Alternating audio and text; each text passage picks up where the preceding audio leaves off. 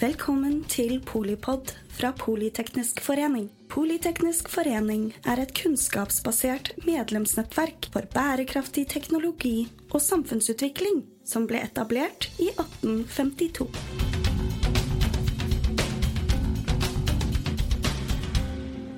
De eh, klokeste hodene og de eh, største hjertene, de eh, flittigste hendene, de samles jo i Politeknisk forening siden 1852.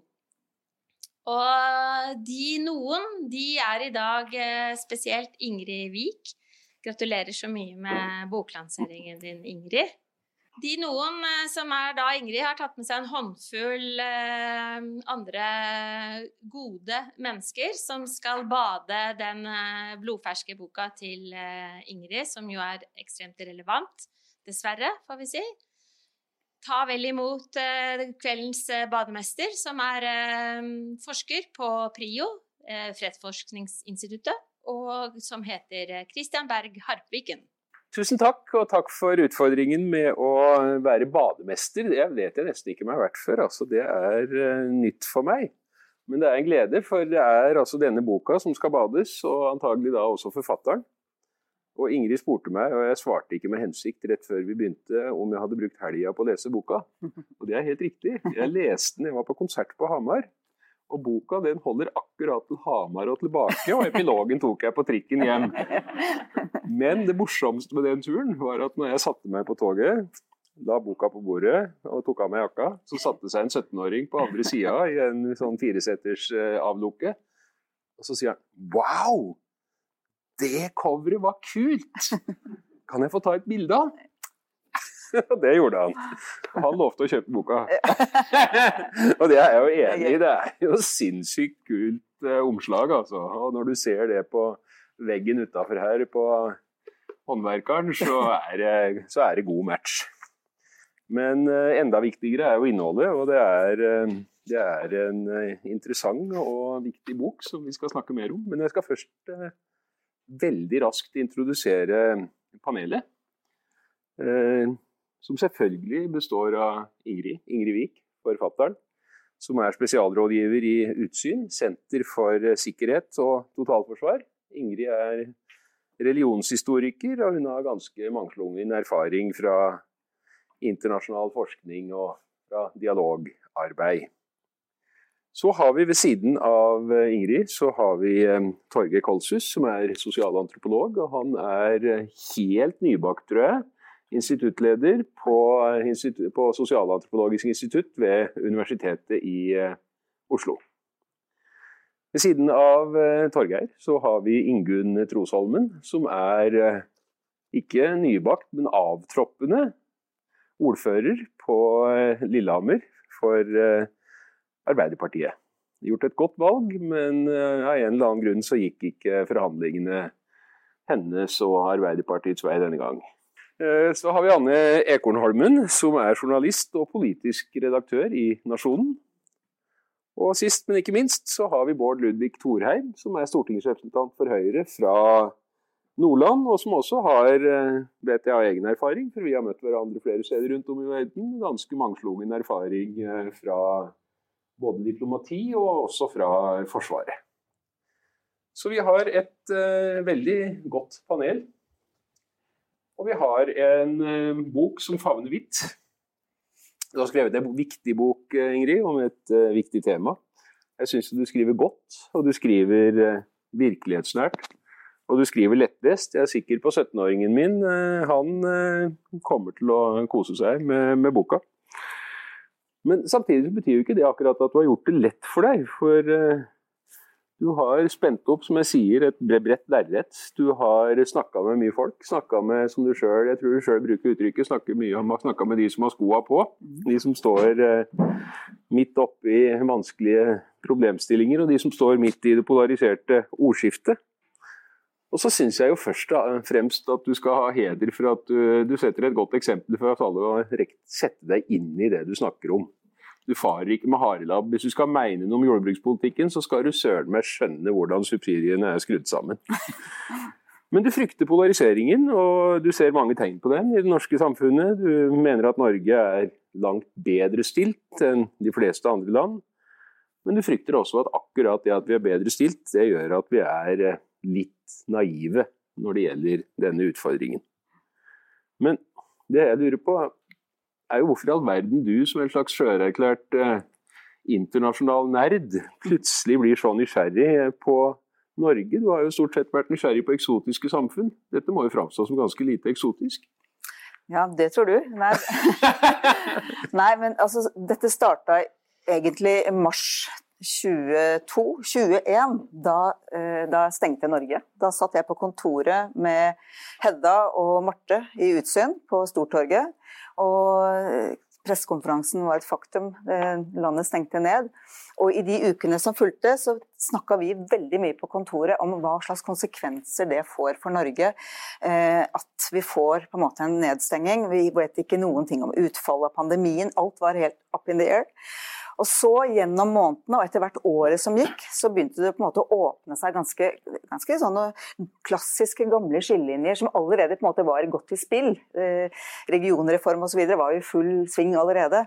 Men da liksom med vaksinefordeling og hytte søringkarantene og hyttenekt og alt dette her, så kom det fram ganske tydelig at det handlet ikke måte, alltid om å få fram den Man klarte ikke alltid å velge den aller mest rasjonelle politikken, fordi man måtte hensynta disse konfliktene. Og F.eks. gjelder det på vaksine, hvor Oslo helt åpenbart var hardt rammet, eh, men med, mot veldig mye motstand ute. Og Da ble i hvert fall jeg og mine kolleger veldig nysgjerrige på hva er det som rører seg der ute. Det ble det verdt å undersøke nærmere. Hvorfor var, dette, hvorfor var, det ikke mulig å ha en, en, en diskusjon om, om, fordeling av vaksiner som også handlet om hva, hvem som faktisk eh, hadde de høyeste måte, utfordringene, og hvor det var flest syke, og hvor smitten spredde seg mest, slik at for landets beste ville det være mest effektivt. Det fikk vi ikke til, og det er et eksempel på at polarisering gjør politikkutvikling og, politikk, og det å skape politikk der og da veldig vanskelig. Ga det mening?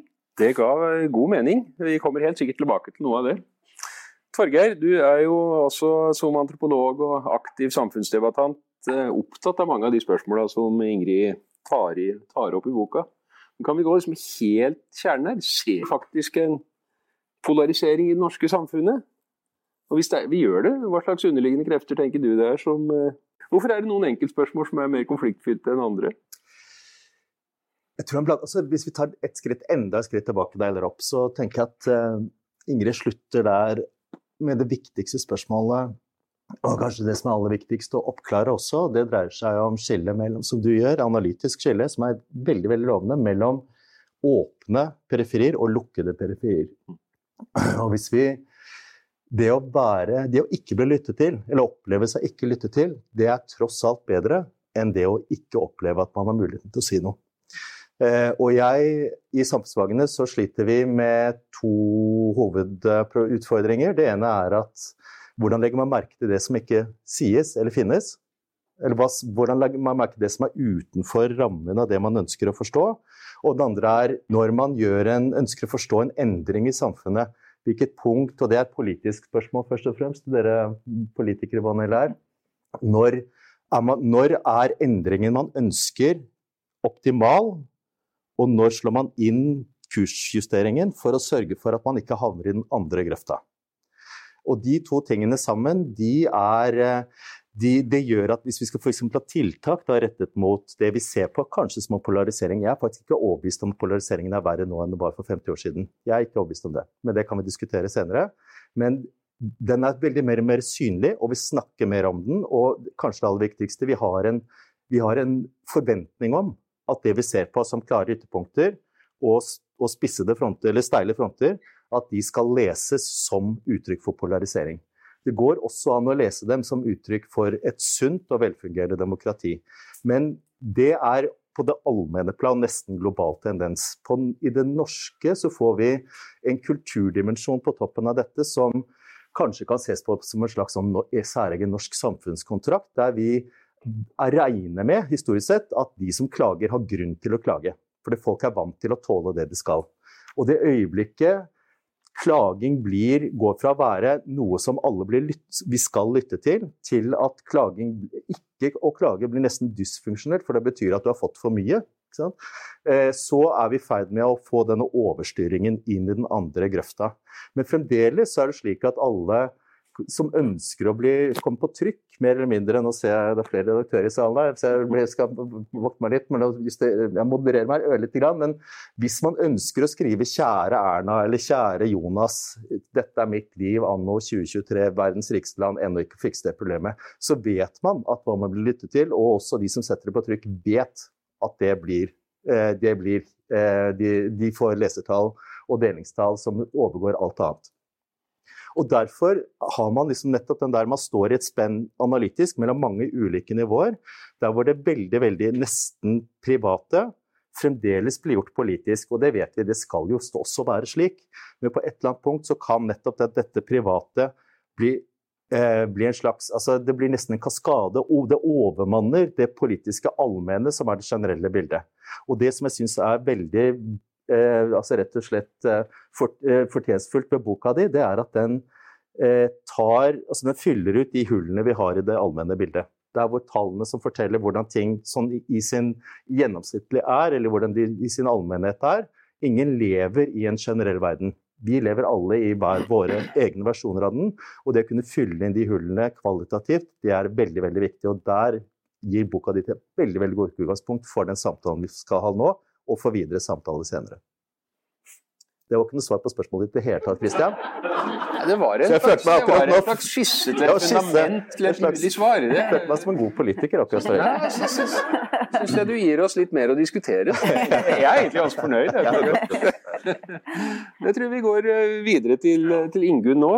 Ingunn er jo faktisk hun er jo en hovedperson i boka. Kapittel sju er jo ikke dedikert til Ingunn, men det handler rett og slett om Ingunn. Ordføreren. Og eh, du forteller jo levende der om ditt engasjement for, eh, for, lokalpolitikken. Du forteller om hvor krevende det kan være å lede en kommune, hvor vanskelig det er å få til framdrift i et gjennomregulert samfunn der alle skal høres. Og hvor ensom man kan kjenne seg som i møte med hets, trusler, sjikane. Og derfor også mange veger, hvorfor mange vegrer seg for å engasjere seg politisk, og til sjuende og sist hvordan eh, lokaldemokratiet er under press. Og uavhengig av hva vi mener om hvorvidt det er polarisering eller ikke, så tror jeg dette er en virkelighetsbeskrivelse som, eh, som er eh, ganske ubestridelig. Så lurer jeg på, Er dette en utvikling vi rett og slett ikke klarer å bremse?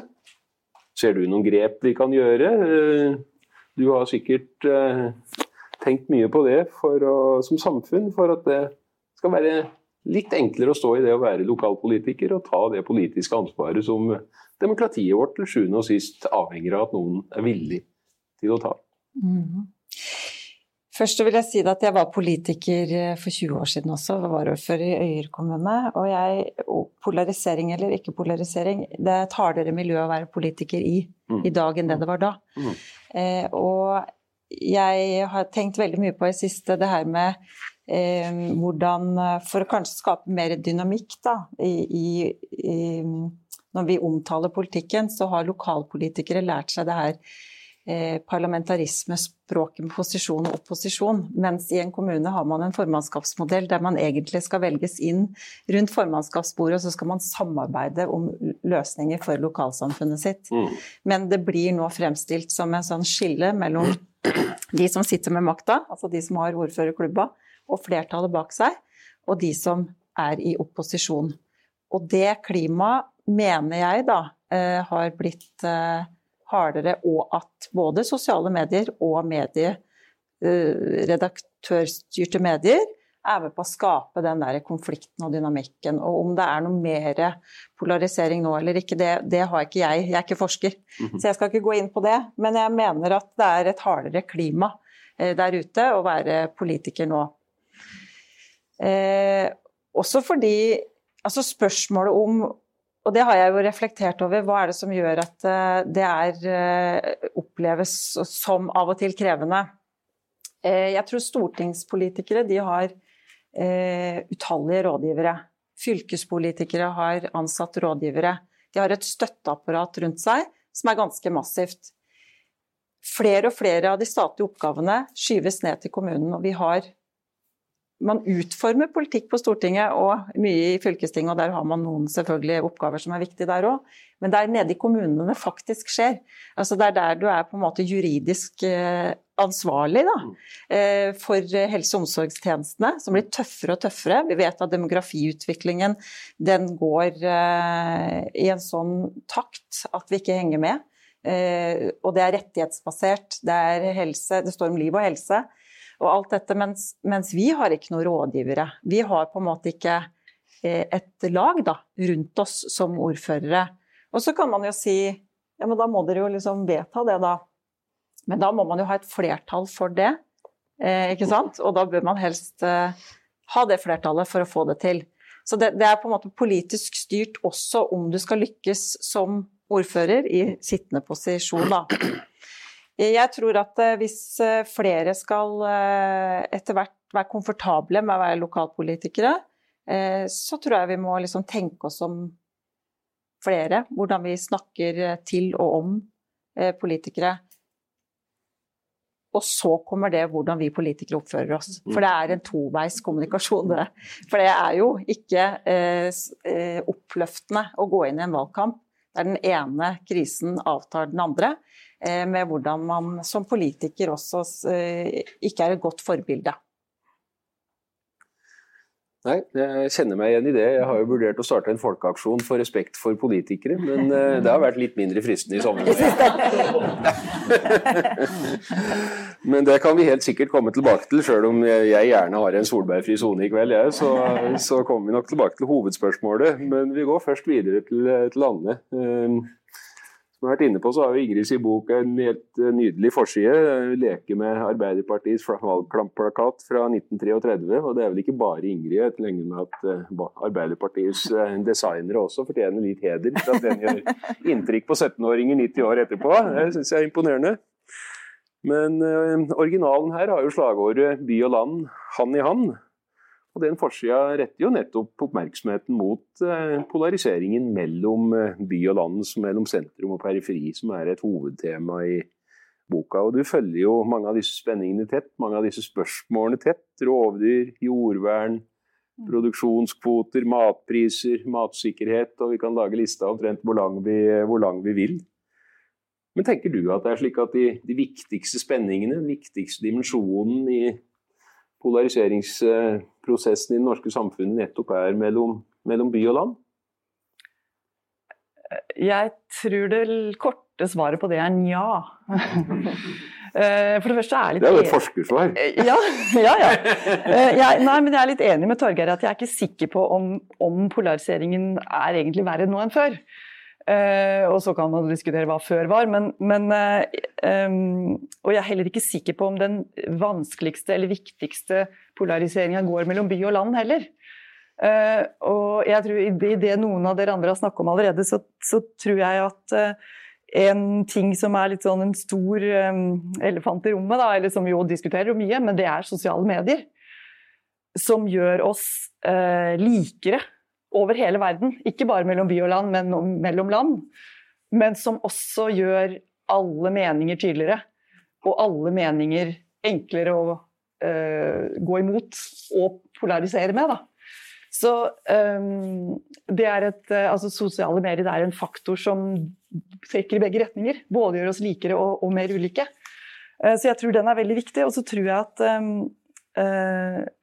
altså Nasjonen skriver om Eh, hvor vi lever, hvordan vi lever og hva vi lever av. Og det tror jeg er en veldig sånn nøkkel egentlig i, i, det å forstå forskjellen nå da, mellom by og land, og om forskjellen mellom uh, ja, åssen det er å leve på bygda og åssen det er å leve i Oslo. Uh, det er ulikheter i, i, uh, i altså, det er så vanskelig å gå inn i det der, for da høres det ut som folk på bygda lever så fryktelig annerledes enn man gjør i byen. Men det gjør jo ikke det. Bl.a. pga. sosiale medier. Man, har, man, gjør akkurat de samme tinga. Men allikevel så er det en annen um, Det er noe som heter at uh, Where you stand depends on where you sit. Mm. Og sånn er det jo. Det er annerledes å bo på bygda og det er, det er å bo i byen. Så, så, og det, det, gjør noe med verdensbildet ditt. Og um, opplevelsen av uh, avstand til makt. Både mentalt og fysisk. Og den tror jeg er viktig. Den opplevelsen, Det er forskjellen mellom å styre og bli styrt. Følelsen av å bli styrt.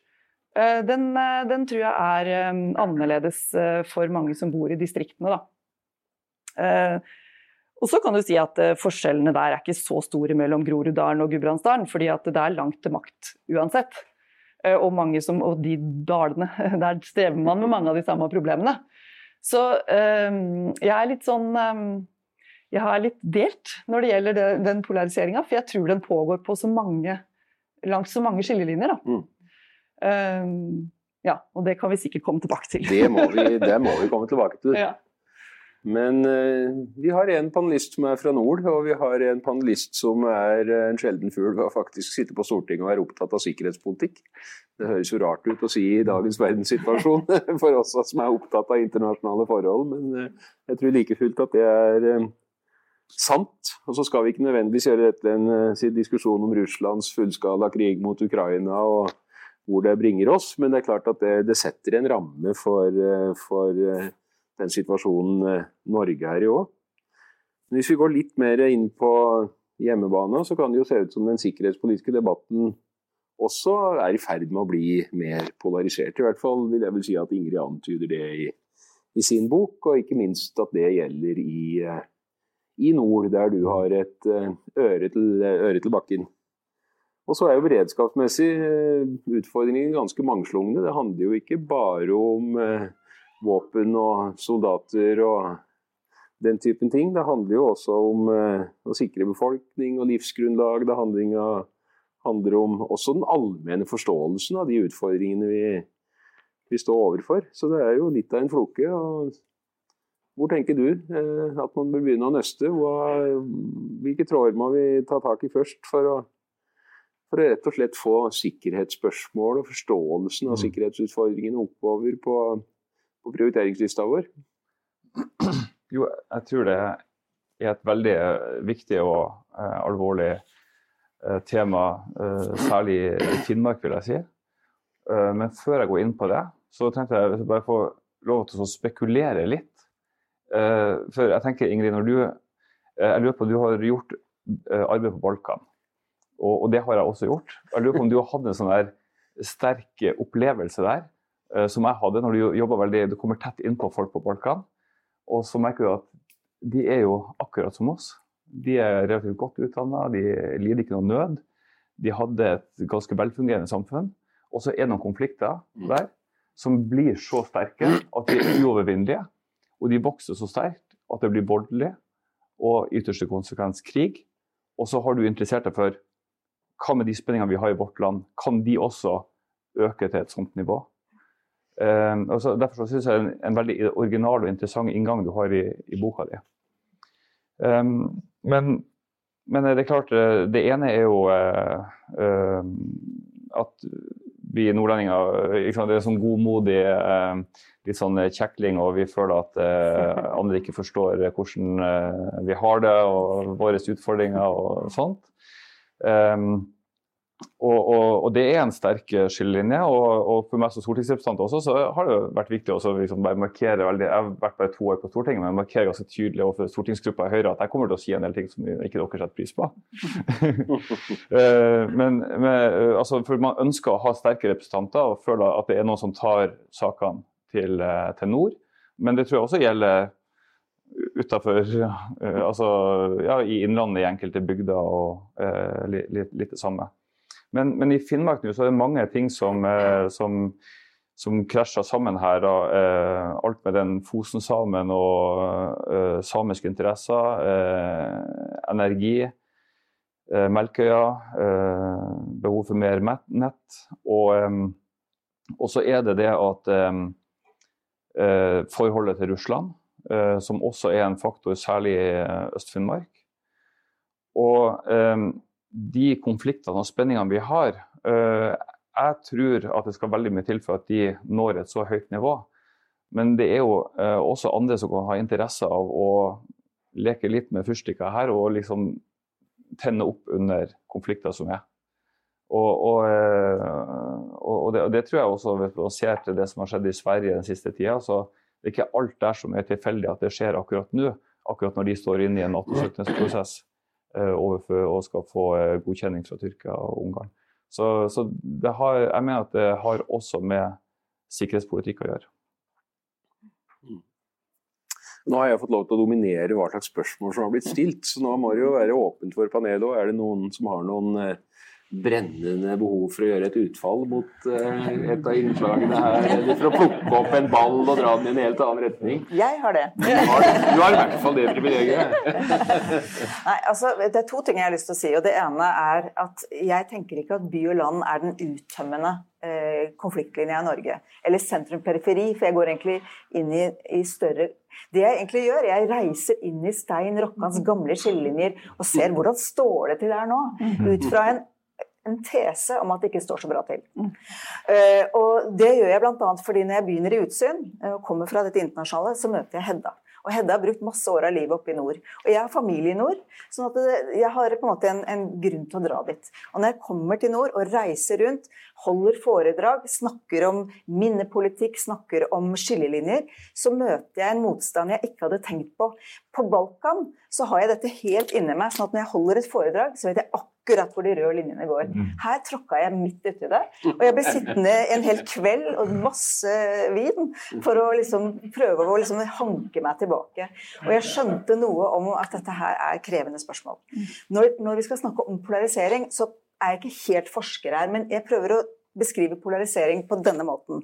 Konflikter i samfunnet har vi alltid, det skal vi ha. Debatt eh, eh, på altså, den offentlige debatten, på Stortinget, i kommunestyrer, det er, jo, altså, det er jo Guds gave til demokratiet og mennesket, og det er helt tipp topp. Hvis ikke vi har det, så blir det ikke et bra samfunn. Men polarisering er når virkeligheten krasjer. Det er når vi ikke lenger kan være enige om faktagrunnlaget. Og i de sakene jeg tar opp, så er det faktagrunnlaget vi ikke er enige om. Vi er, tror vi på menneskeskapte klimaendringer?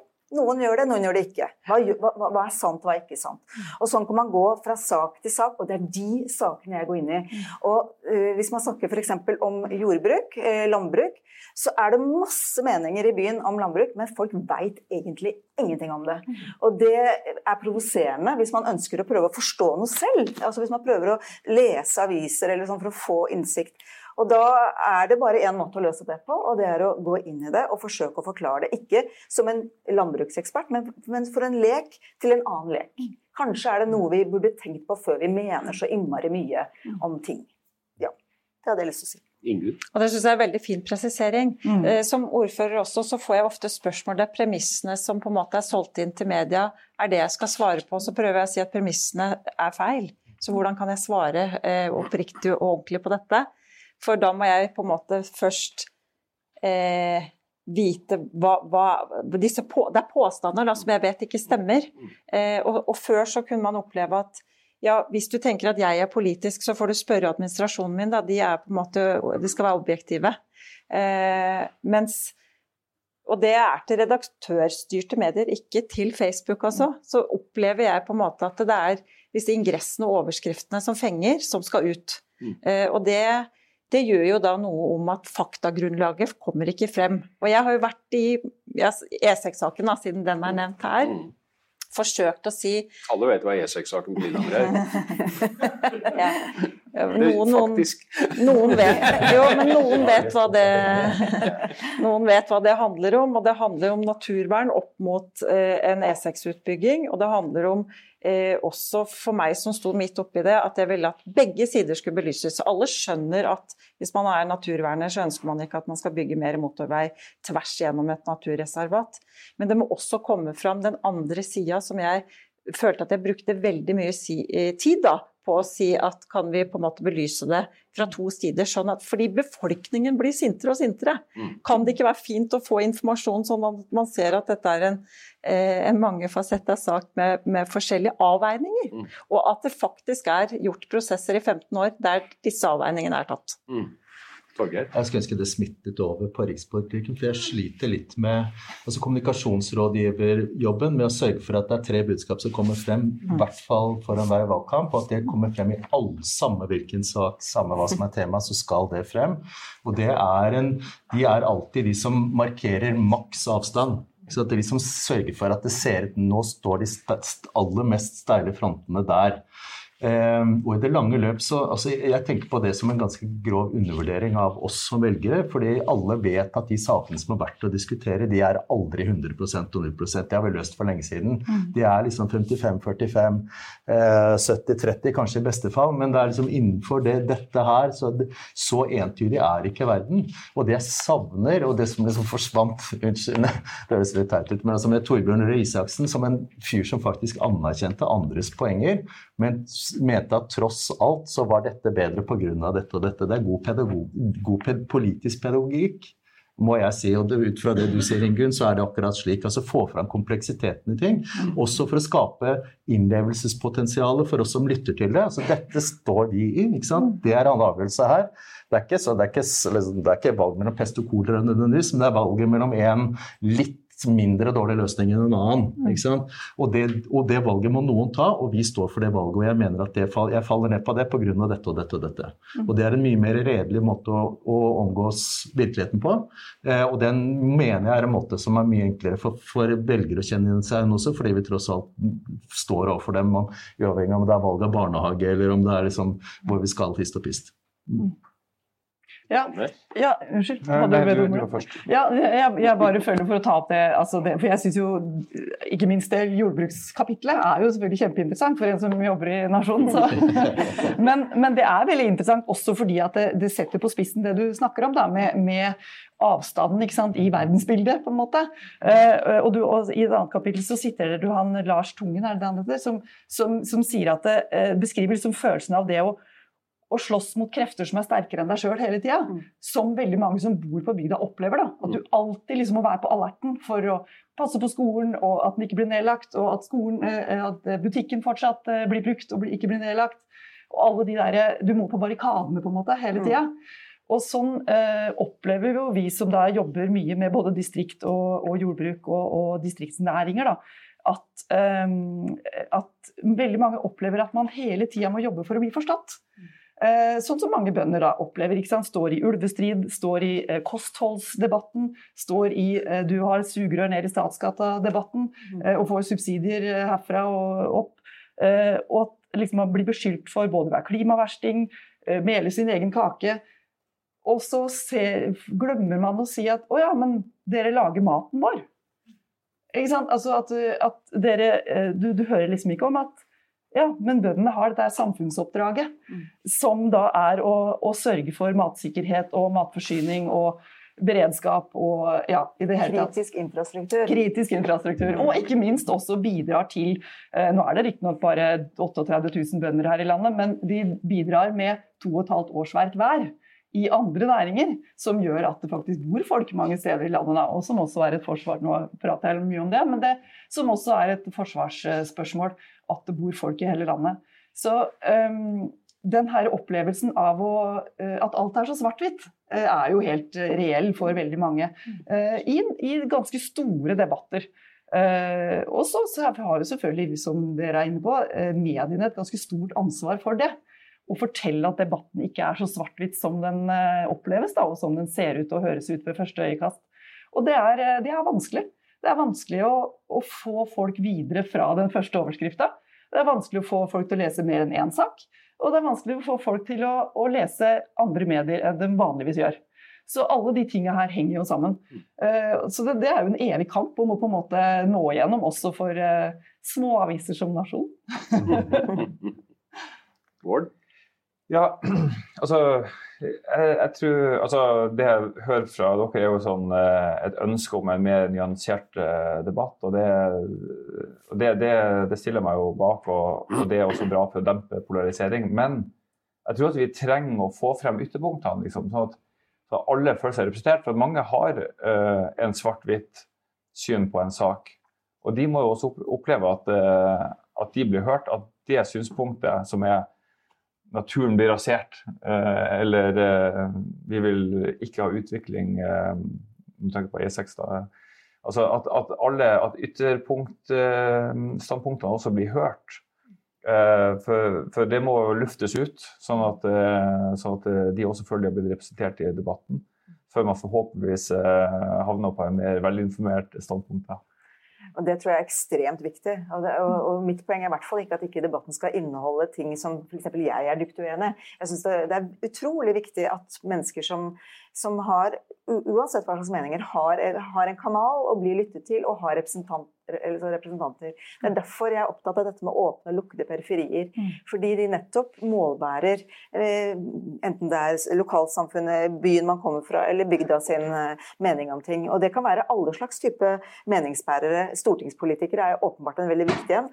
Ordførerne reiser inn og møter en eller annen benk eh, de hører hjemme i. Og, og presten drar til Kirkens hus, osv. osv. Dette er og business og alt dette her. Kjempeviktig.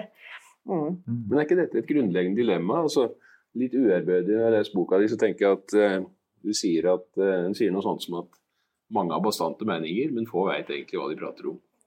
Kanskje sier du til og med at jo mer bastante meninger du har, jo mindre veit man hva man prater om. Ja, men det er jo Eller litt, litt og Hvis det er riktig, og du da velger Bårds modell, som er å sørge for at alle useriøse og kunnskapsløse eller ikke kunnskapsbaserte meninger har en resonans et eller annet sted i det politiske systemet, er vi ikke da også på en litt farlig vei? Altså, hvordan, håndterer vi, hvordan håndterer vi dette hvis dette er noe av dette er et sentralt aspekt ved, ved, ved polarisering, en polariseringsprosess vi er inne i, så er jo dette til sjuende og sist en trussel mot sjøle demokratiet.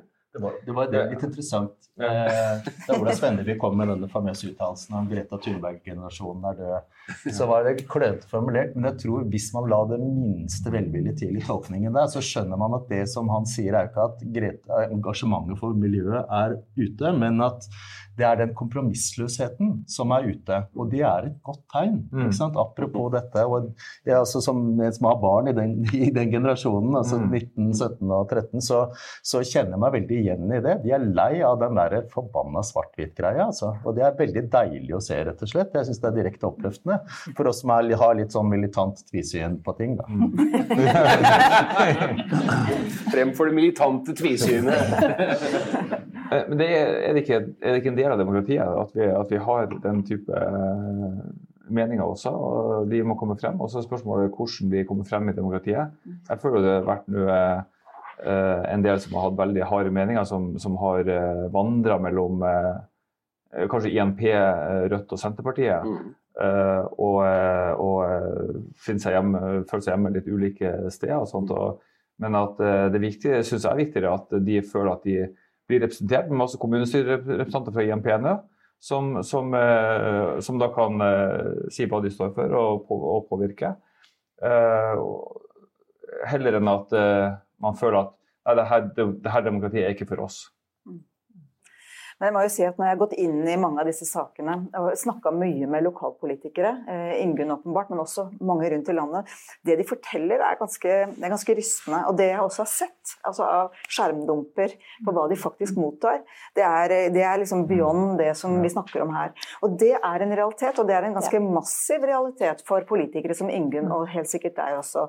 Men for kvinner, for unge politikere, eh, så er det kanskje enda tøffere. Folk med minoritetsbakgrunn osv. Og, så og dette vet vi, for dette, dette snakker jo de redaktørstyrte mediene og forteller oss mye om.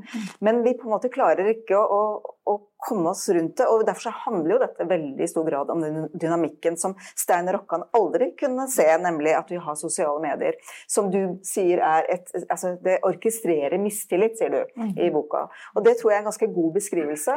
Og, og da er det på en måte rett fram. Og, og, jeg tror alle, også sikkert veldig mange eh, i mediene, kan oppleve å få den der hetsen for ting de skriver og ting de gjør. ikke sant? Og det, det er det, Altså det går på helsa løs, og det, det gjør at, man, at, det er tungt å være i det offentlige rom. Og, så vi er nødt til å kunne snakke om hvordan vi skal bevare demokratiet vårt. For hvis ikke folk vil stille opp i lokaldemokratiet Og det er et annet poeng jeg har lyst til å ta fra deg, Ingunn, og det er i et formannskap eller i, altså i et kommunestyre så sitter det kanskje 30-40 mennesker. De menneskene er med unntak av ordføreren eh, ubetalte. Eh, så dette er folk som altså bruker av sin frivillige tid og ressurser og kunnskap for å gjøre lokal, samfunnet bedre. Skal de sitte og få den dritten? Hvorfor i all verden skal de gidde å gjøre det, når de bare får sånn som de gjør? Og Det, det syns jeg er det, kanskje noe av det aller viktigste jeg tar med meg fra alle disse samtalene. Og veldig mange av de jeg har snakket med rundt, de vil ikke ha en ny periode. Det bekymrer meg, og det er fra alle partier, bare så det er sagt. Mm.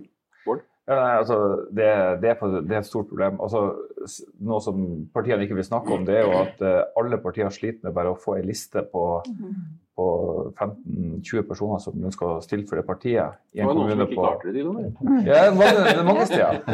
Uh, altså, kommuner på 2000 mennesker hvor det, det er to partier som er representert. Altså, de, de, får ikke folk til å stille i det hele tatt. fordi at uh, det er bare ingen som ønsker å bruke tida på det. Det, det, er, det er jo et sykdomstegn. Og da blir debatten litt sånn på forskjellig nivå. Nei, da begynner ikke sant? Jeg har vært i mange samtaler med forskere og dine som sier Jeg tror ikke polariseringen er verre nå enn før. Men hets, hatytringer, Eh, det offentlige, det som kommer rett ut på sosiale medier. Det er mer av det enn før, for det fantes jo ikke før. Og det gjør noe med dynamikken i politikken. Mm. Og det må vi kunne eh, snakke om selv om man skal gjøre en sånn eh, akademisk øvelse om er det verre eller bedre enn før. Mm. Det foregår nå, og vi burde kanskje snakke om det. Men da betyr det også at vi må tenke på løsninger, og der er din løsning veldig god. Eller det du sier om deg, at du føler deg alene. ikke sant? At du har følt deg alene, at det har vært vanskelig. Du, du, du, var det en tidligere kollega der som Eller en, en, en forhenværende ordfører Ja. som, som Ja. Sa at så, du, du er, du, så alene har jeg aldri vært noen gang. Mm. Og det er, altså, For å ta en liten lenke til min, min tilværelse, da?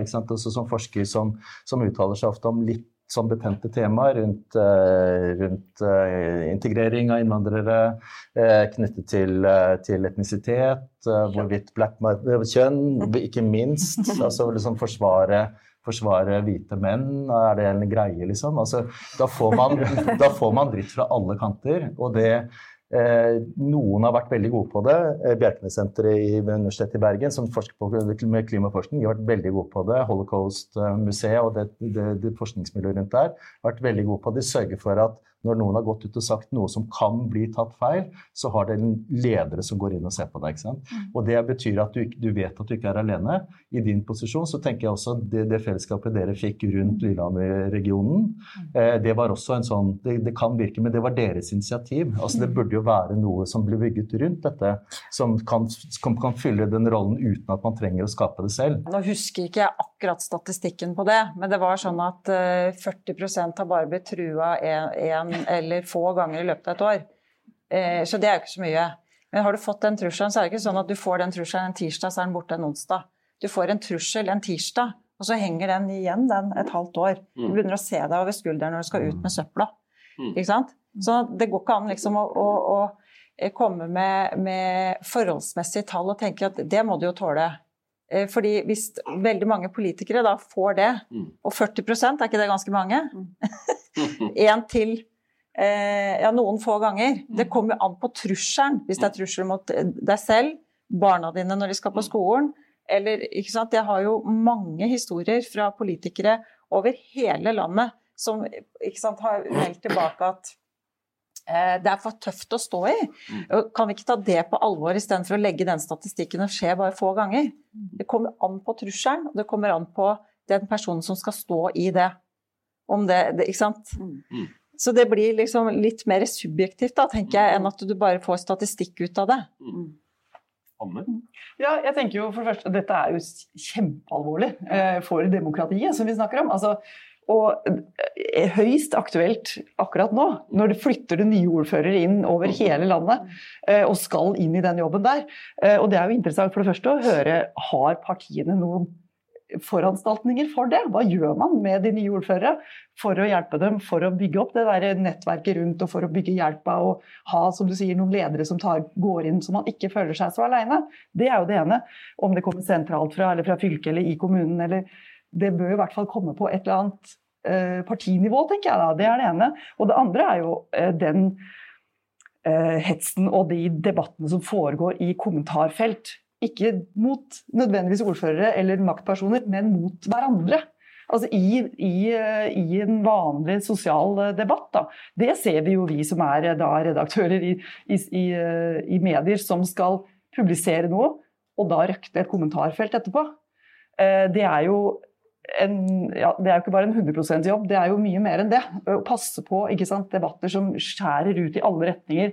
Eh, og som ikke i det hele tatt omhandler nødvendigvis sakens kjerne. Mm. Eller folk eh, snakker jo og diskuterer jo helt uten å ha lest saken. Så, og vi veit jo godt hvilke saker, særlig i vår avis, da, som er brennbare. Vi veit godt når vi kan publisere en sak om ulv. Eh, det er ikke på fredag ettermiddag. Eh, og vi veit godt når vi kan publisere en sak om eh, kjøtt- eller veganerdebatten. ikke sant? Mm. Dette her må vi jo ta forholdsregler på hele tida. Mm. Ikke fordi folk ikke skal få lov til å si meninga si, men si det i et miljø der det går an å ha en meningsutveksling. da, mm. Uten å bli hetsa eller ja, slått i bakken, rett og slett, av, av folk som står på svart-hvitt-sida. Svart da. Mm. Så, så, det er jo en veldig er jo, Man kan jo bli miste litt sånn trua på menneskeheten, dessverre, innimellom på akkurat det med Ja, og et lite øyeblikk stå i et annet menneskes sko, da. uh, og, og, prøve å se ting fra, fra flere sider. Det, det, er jo virkelig en øvelse flere burde ta på seg innimellom. Mm. Men da er vi litt tilbake til hva er det denne polariseringa består i? Hvordan uttrykker seg? Er det, er det på en måte brorparten? Av befolkningen i dette samfunnet som rykker lenger og lenger fra hverandre? Eller snakker vi at vi har noen eh, ytterfraksjoner med relativt få mennesker som bare blir mer og mer eh, føler seg mer og mer utafor, snakker høyere og høyere, finner fram til nye fora, nye media hvor det er mulig å uttrykke den typen meninger.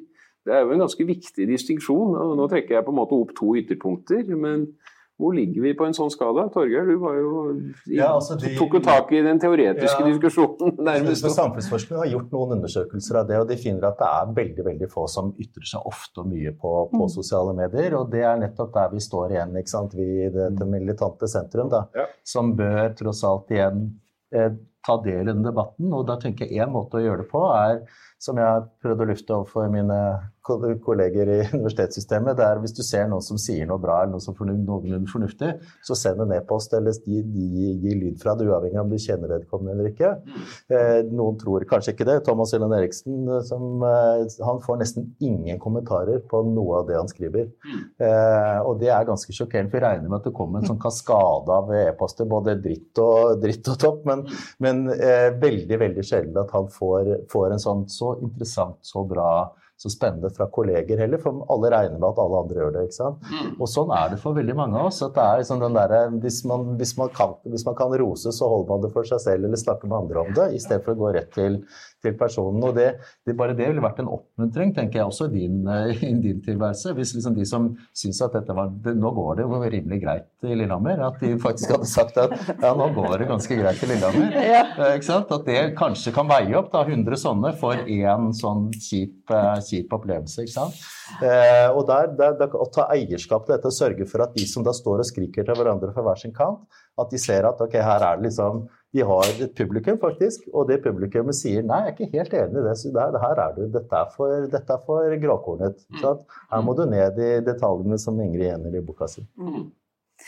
Det, si, altså vi, det, jeg har sett uh, tallene. Jeg syns det er så grovt, og det er så rystende. Mm. Og når jeg da også da får se disse skjermdumpene og Det er da ganske mange mennesker der ute som tross alt er villig til å sende en melding mm. til en eller annen person og si sin hjertens mening på en ganske grusom måte så er det og, og Husk på at disse, dette er politikere eller, eller, andre typer offentlige personer som har garden nede. De sitter kanskje og ser på altså, gullrekka og, så, og spiser taco, og så får de den midt i trynet. Eller når de har lagt seg og bare skal sjekke mobilen fordi det plinger, og så er den natta ødelagt.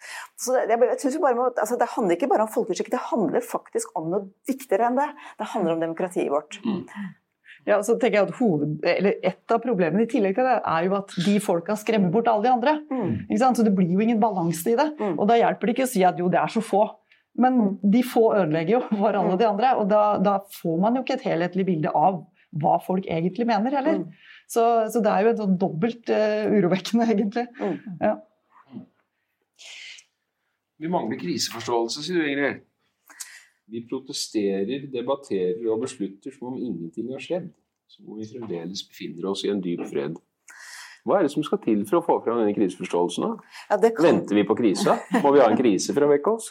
Ja, ikke sant? Etter pandemi og en krig i Europa så skulle man jo tro at vi var grundig eh, vekket opp. Men eh, jeg tror vi, vi sitter veldig dypt i den, i den trygghet i Norge. Og det er jo fordi vi lever i et fantastisk land, og hvor det tross alt er ganske bra. Men, eh, men, vi er nødt til å forberede oss på å håndtere en del store omveltninger i årene fremover. Og det er på en måte noe av grunnen til at at eh, vi i Utsyn jobber med disse spørsmålene her, og at jeg skriver denne boka. Det er jo fordi vi skal gjennom et grønt skifte, vi skal, vi skal håndtere denne eldrebølgen, de demografiske trendene. Eh, fraflytting fra bygdene. Vi skal håndtere et Finnmark som er i ferd med å bli avfolket. Vi trenger at det bor mennesker i Finnmark. Og, og du snakker litt om det, at hvis det går for fort, så er det også et altså problem for Forsvaret. De, ikke, de, må ha en infrastruktur der. Mm. Altså, dette er ganske, sånn, det er ganske grunnleggende ting. Og derfor mener jeg at vi ja, derfor så mener jeg at det er litt viktig, da, akutt. Mm. Mm. Det er vi nok enige om alle sammen. Men jeg tror ikke, jeg tror ikke vi helt har våkna ennå. Og, og, Det er det jeg mener med at disse debattene går sin gang, og folk sitter og, og, og holder på med, med sitt han har sagt, og, roper på nettet og sånn. Og Det er vanlige mennesker, og det, det, er ikke de jeg egentlig snakker for. De må, de, jeg vet ikke hva man skal gjøre med dem.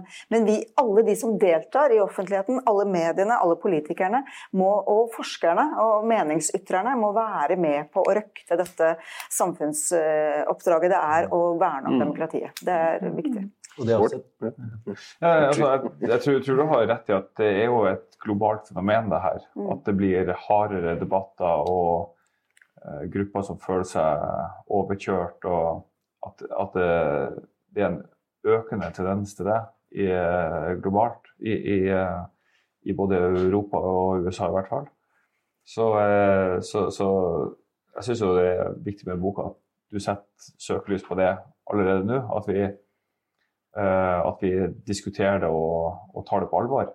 Så, så vil jeg bare si én ting, for så, vi stortingspolitikere har så mange rådgivere og sånn. Vi, vi, har forstått noen rådgivere, men, men, jeg, men eh, så, altså, jeg kjenner meg ikke altså, Jeg treffer folk uten rådgivere, skriver alt sjøl.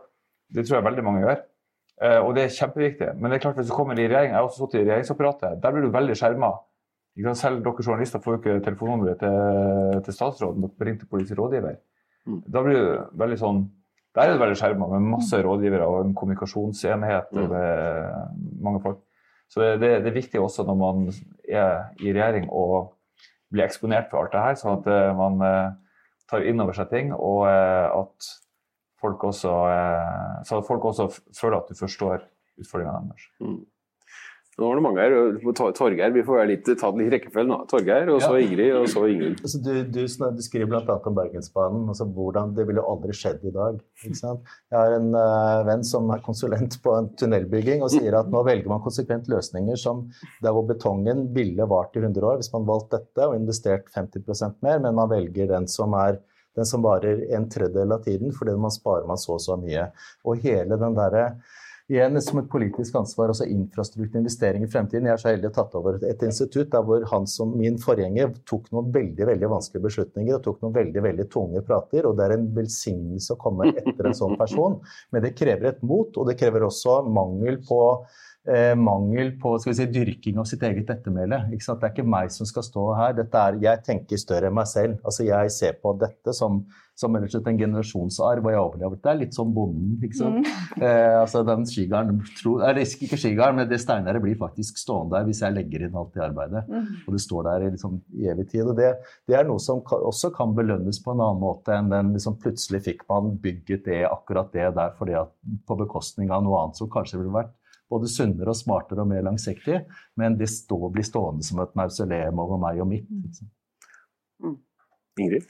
Jo, altså, jeg, jeg, altså en, en, motivasjon for meg også handler om altså Jeg har jobba veldig mye med internasjonale spørsmål. Jeg har vært bl.a. med på å kartlegge eh, sant, konservative, politisk høyrevridde, venstrevridde eh, bevegelser i, i FN. Eh, mye på sånn som går på kjønn, som går på LHBT-rettigheter, som går på, på kvinner, altså kvinners reproduktive rettigheter. Og vi begynte i 2013 og så hvordan dette på en måte startet som en sånn motkraft i FN. Og så noen år senere så oppdaterte vi det, og da ser vi plutselig at denne retorikken og språket er i er i hele Europa. Og Når jeg da reiser rundt, eller når jeg følger med på disse debattene, så gjenkjenner jeg retorikken. I dag er dette for øvrig også Putins krigsretorikk. ikke sant? Pride eh, og hele pakka. Eh, og det, Vi må også være klar over at vi er ikke alene i verden. Det som, altså, vi, vi speiler det som skjer ute, og vice versa. Det går begge veier. Og Når det skjer ting der ute, så påvirker det dynamikken i norsk politikk, og vice versa. Et bitte lite hendelse i et lite sted kan utløse veldig mye. Det vet vi f.eks. fra karikaturdebatter osv. Mm. Det er vår virkelighet, det er politikernes virkelighet. Og Der tror jeg vi kanskje må være mye mer bevisste på hvordan faktisk informasjonen flyter, og hvordan mistillitslommer i Norge, enten det handler om si, eh, gamle bibelbelte som på en måte er blitt litt sånn skjøvet inn i hjørnet, eh, du har barnevernsmotstandere, du har, som, uten sammenligning for øvrig de to gruppene, bare så det er sagt. Men altså, du har på en måte veldig sterke eh, grupper altså, en, små grupper, kan du si, mm. marginaliserte. Men hvor er det de henter sin, sin, sin, sin ånd fra i dag? Jo, det gjør de ute. Mm. Og det er ganske usensurert og ganske lite norskt, og veldig lite egnet til å bygge gode samfunn. Mm. Vi begynner å gå inn for landing. Vi har bare en håndfull minutter igjen. Men uh, først deg, Ingunn. Ja, jeg har bare lyst til å si at eh, jeg er privilegert, har hatt et jobb som er det mest engasjerende og den beste jobben jeg har hatt noensinne. Det har vært utrolig fine eh, fire år. Så bare så det er sagt, jeg føler meg heller ikke spesielt alene, for jeg har en ordførergruppe som jeg snakker med, eh, og vi har en konkurranse når vi kommer hvem har hatt det verst nå denne måneden. Jeg har aldri, aldri vunnet den konkurransen. Det er det andre ordførere som har gått av med, med seieren på. Bare, bare, så det er sagt. Men så hører jeg, ikke sant det ikke, disse krisene kommer samtidig, mm. og vi på en måte har mm. eh, Om det er eh, Debattklimaet er i hvert fall eh, fragmentert, da, vil jeg si. Mm. Og det demografiske eh, utfordringene, det handler om langsiktige grep. Langsiktige grep om hvordan du skal ha institusjonsplasser, heldøgns omsorgsplasser. Altså, noen må ta vare på de gamle, og vi har ikke nok hender. Eh, vi har rett og slett ikke nok løsninger. Det kommer til å være samtidig som klimakrisen altså med mye nedbør. Kanskje begynner det med skogbranner. Kanskje har vi andre kriser som parallelt går. Og da må vi på en måte også i Norge kunne snakke om det høyt og, og på en måte forberede det uten at det blir sånn eh, akademiske øvelser der vi sier at det relativt sett er alt bra. Mm. Fordi det tror jeg vi taper på som samfunn. Mm. Anne? Ja, jeg, synes, for jeg, jeg, må bare ta en ting som jeg syns er så fint, som du skriver litt mot slutten, tror jeg. Og det er det at, at uh, man må åpne blikket for hverandres virkelighet. Og det er jo egentlig det det handler om. Altså, en viss porsjon av nysgjerrighet da, overfor hvor står du hen i, i livet og i, i, verden, liksom. Og det er jo Det høres på en måte litt sånn naivt ut, men det er jo det det handler om. Uh, og, og, det å, og jeg tror jo grunnen til at det er så vanskelig, er jo at det er helt menneskelig å være redd for å miste noe. Mm. Du er redd for å miste et eller annet, og hvis du får rett, så mister jeg noe. på en måte. Eh, men det er jo det det egentlig handler om, da, å tette de her eh, avstandene. Tette gapet og, og, og, nærme seg liksom en, ja, et, et, fellesskap, da, i motsetning til polarisering. Mm. Så jeg syns den, den, setningen er veldig god, da, helt på slutten av boka. Da er klokka faktisk 19.30. Og da har vi lovt at vi skal avslutte her. Så da gjør vi det. Hvis ikke, eh, hvis ikke den badede protesterer. Tusen takk eh, til eh, alle dere i panelet for veldig gode refleksjoner. Jeg syns dere har klart både å være overordna prinsipielle og velsigna konkrete på en og samme tid. Og det er jo deilig å forholde seg til. Jeg har i hvert fall blitt uh, litt klokere i kveld. Jeg har også blitt litt klokere av å lese Ingrids bok, og hvor klok jeg har blitt, det kan vi diskutere i et etterpå. Det er ikke noe vi tar her i panelet. Men jeg vil også takke publikum eh, for at dere har eh, kommet og brukt kvelden her. Jeg vil takke de som har fulgt eh, dette digitalt. Veldig fint å ha så mange med oss. Og så håper jeg at mange også vil se på denne diskusjonen på digitale flater etterpå. vi som er her, vi vil fortsette litt eh, videre. Det var flere som ikke fikk signert bok på forhånd, men nå kommer vi til å holde Ingrid her til alle har fått eh, den signaturen de eh, har lyst på. Hvis noen ikke hadde lyst før samtalen, så er jeg sikker på at dere har eh, lyst på signert bok nå. Tusen takk til Ingrid for eh, at du har skrevet bok. Uten deg så ville vi ikke hatt denne diskusjonen. Du har gjort oss litt klokere. Lyttet til Polipod fra Politeknisk forening. Få med deg flere episoder, eller bli med på nettverksmøtene, som du finner ved å søke at polyteknisk, eller gå på vår hjemmeside polyteknisk.no.